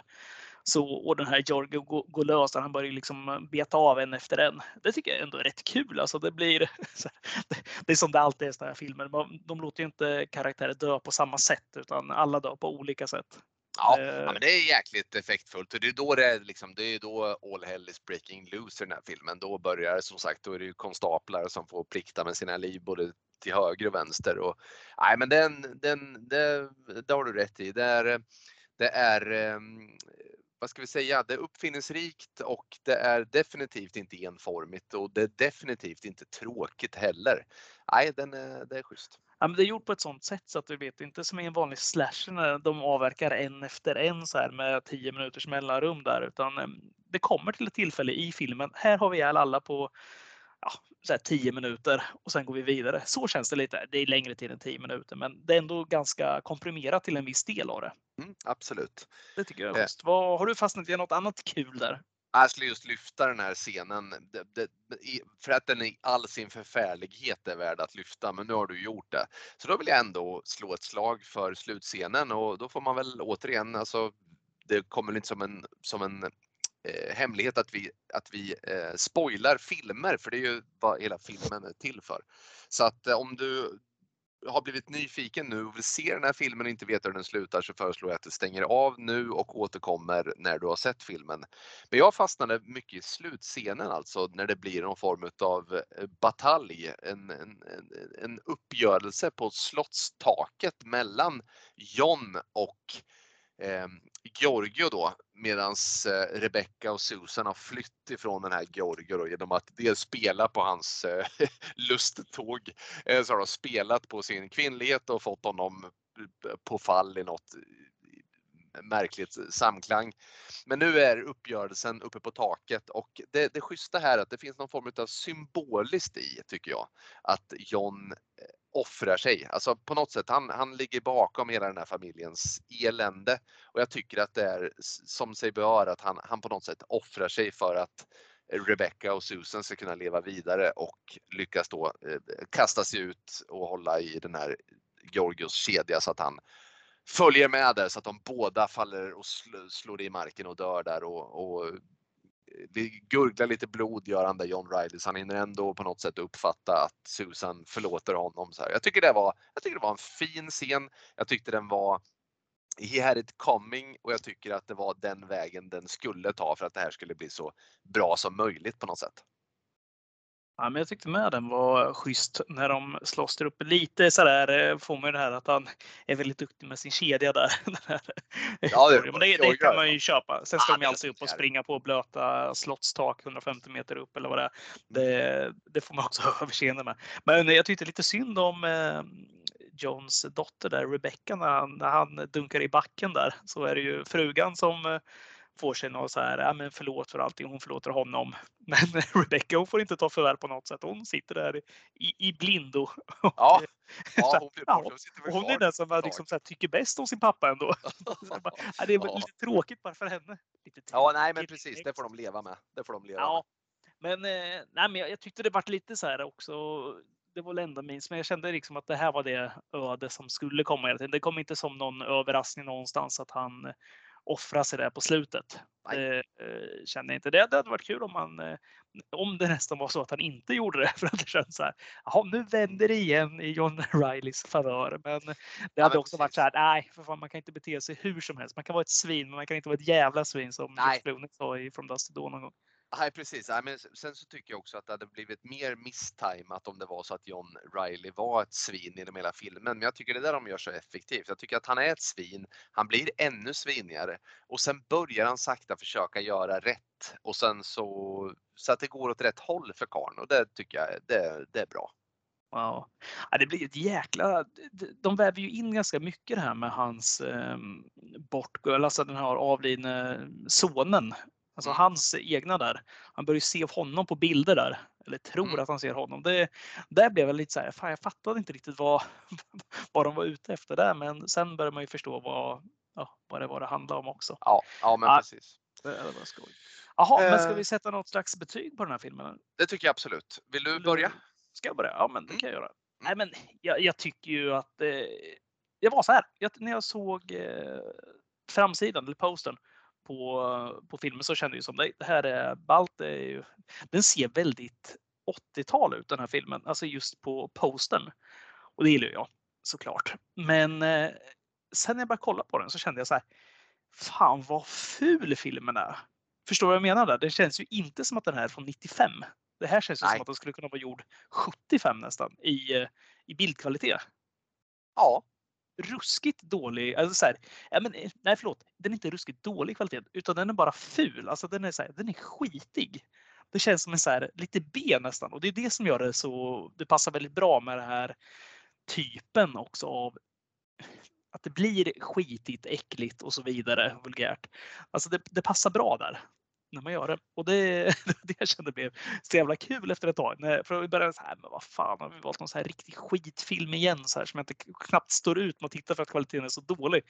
Eh, och sen liksom växte den bara och så här, ja, men det är enkelt, det var enkelt att följa med, det var, det var välgjorda karaktärer för att vara så enkla ändå. Och så kände jag bara så här, men musiken är härlig, bra effekter, allting. Och sen de här riktiga äckelscenerna, det, det passade mig något otroligt bra. Så jag, när jag hade kollat klart så var jag så här, äh, men fan, det, vad snabbt tiden gick. Är den slut?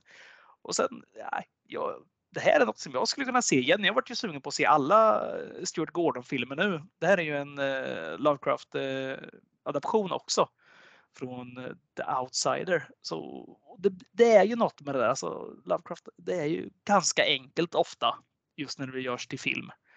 Så att nej, jag, jag, jag tycker det passar bra. Och jag, fyra av fem eller stark trea åtminstone. Jag, jag hade inte tråkigt. Jag kan se det här och kommer komma ihåg filmen. Tack för de orden. Jag har ju, alltså det blir lite nu för jag känner att du har eh, väldigt, väldigt väl eh, i detta avsnitt ringat in det jag tycker. Du har egentligen satt ord på allt jag tycker. Eh, till att börja med så måste jag säga att jag är ju, jag, 1995 när den här filmen kom var jag 12 år och där hade väl min skräckfilmsresa börjat på allvar tror jag. Eh, jag hade dött om jag såg den här filmen då tror jag. Det hade jag aldrig fixat. Men, men eh, jag trodde faktiskt att jag hade koll på de flesta 90-tals skräckfilmer. I alla fall eh, ja, en, en, stor majoritet. Den här har jag helt missat. Det är första gången jag såg den till det här avsnittet. Och jag är så glad att jag såg den här filmen. För den här innehåller egentligen allt jag älskar med skräckfilm. Och du har nog förstått det. Och om det är några lyssnare så här som på något sätt har lyckats karaktärisera oss också och våran smak så, så kanske det inte kommer som en, som en överraskning att den här genren, eh, den här typen av inramning, den här typen av effekter eh, liksom så som jag älskar slashers med, eh, med liksom med allt, allt vad som följer, alla ingredienser. Allt finns i den här filmen. Och jag hade inte tråkigt en sekund och, och, och, våldet är brutalt och det är mycket naket och så vidare. Men allt gifter sig väldigt bra i den här filmen. Det här är en rulle som jag kan rekommendera till alla som tror sig gilla den här typen av film. Jag är faktiskt, jag, jag var helt tagen av hur bra jag tyckte att den här filmen var. Och återigen så sa du precis vad jag själv har känt. Jag måste se om Reanimator har jag sett, den måste jag se om. Jag måste se den här From Beyond som Stuart Gordon har gjort också. Jag vill se eh, Fortress har jag sett några gånger så den behöver jag inte se om akut nu. Men jag, jag, jag måste egentligen se allt som jag hittar av Stuart Gordon för att han, han är vilket jäkla geni i all sin enkelhet. Jag, jag, jag, jag tyckte det var fantastiskt. Så att jag, jag går ett steg längre. Jag, det, visst, det här är inte Exorcisten, det här är inte Hajen, det är inte Alien, det är inte yppersta, yppersta mästerverk. Men jag säger att det är en stark fyra den får en stark fyra och ska jag sätta ett betyg på EMDB så får den fan med en 9 av 10 den här filmen. Så Oj. kul var den. Jag hade inte tråkigt en sekund och jag är glad att du valde den här filmen för annars hade jag aldrig hittat den. Ja, kul. Ja, men du, vi kan väl nästan säga så här va? att eh, vi har ju lite uppstyrt vad vi ska se för filmer kommande. Vi har ju mm. REC 4. Vi har House by the Cemetery och vi har ju Conjuring-franchisen vi ska se. Mm. Men eh, året är ju ungt fortfarande och eh, de där filmerna kommer vi beta igenom innan sommaren. Så att eh, vad säger du, ska vi inte köra lite Stuart Gordon-filmer under året också? Då? Hemskt gärna. Ingen är gladare än jag om vi gör det. ja, men det, det, är väl enkelt och om inte annat så kan vi ju köra en Stuart Gordon-film mellan Conjuring-filmerna för att det, mm det skiljer sig rätt bra i eh, skräckgenre känner jag. Och det är ganska bra att bara varva med något sånt emellan Absolut. Ska vi säga att vi kanske rent av börjar med Reanimator eller någonting sånt? För det skulle vara kul att se om den. Det var tusen år Absolut. sedan jag såg den. Varför inte? Nej, men det kan vi göra. Vi säger att eh, Reanimator kommer ja, men eh, inom tre månader i alla fall. Ja, svinbra. Kul! Ja, men det här var ju kul. Eh, fan vad sugen jag är på att se en ny Stuart Gordon-film. Jag bara hoppas att den är sådär härlig i tonen och som sagt var, ja, det, det, mycket bra, mycket bra. Vad har vi till nästa vecka? Vad ska vi se då? Castle Freak ska vi se då. Nej, vi ska se, vi ska se REC 4 och då är det dags att bjuda in eh, vår gode vän Krille Brännvin och eh, Nicky Björk min, också. Vår mindre gode vän Nicky Björk. Väldigt kul att du börjar med vår gode vän och eh, ja, i liksom singular. Ah, ja, då ska jag börja prata i pluralis. Våra goda vänner Nicke Björk och Krille Brännvin så att de får vara med hela eh, loopen runt där med REC också så avslutar vi med REC 4. Ja, men då säger vi tack för det här avsnittet då och eh, rundar av och ehm, eh, vi ses ute i nattens mörker.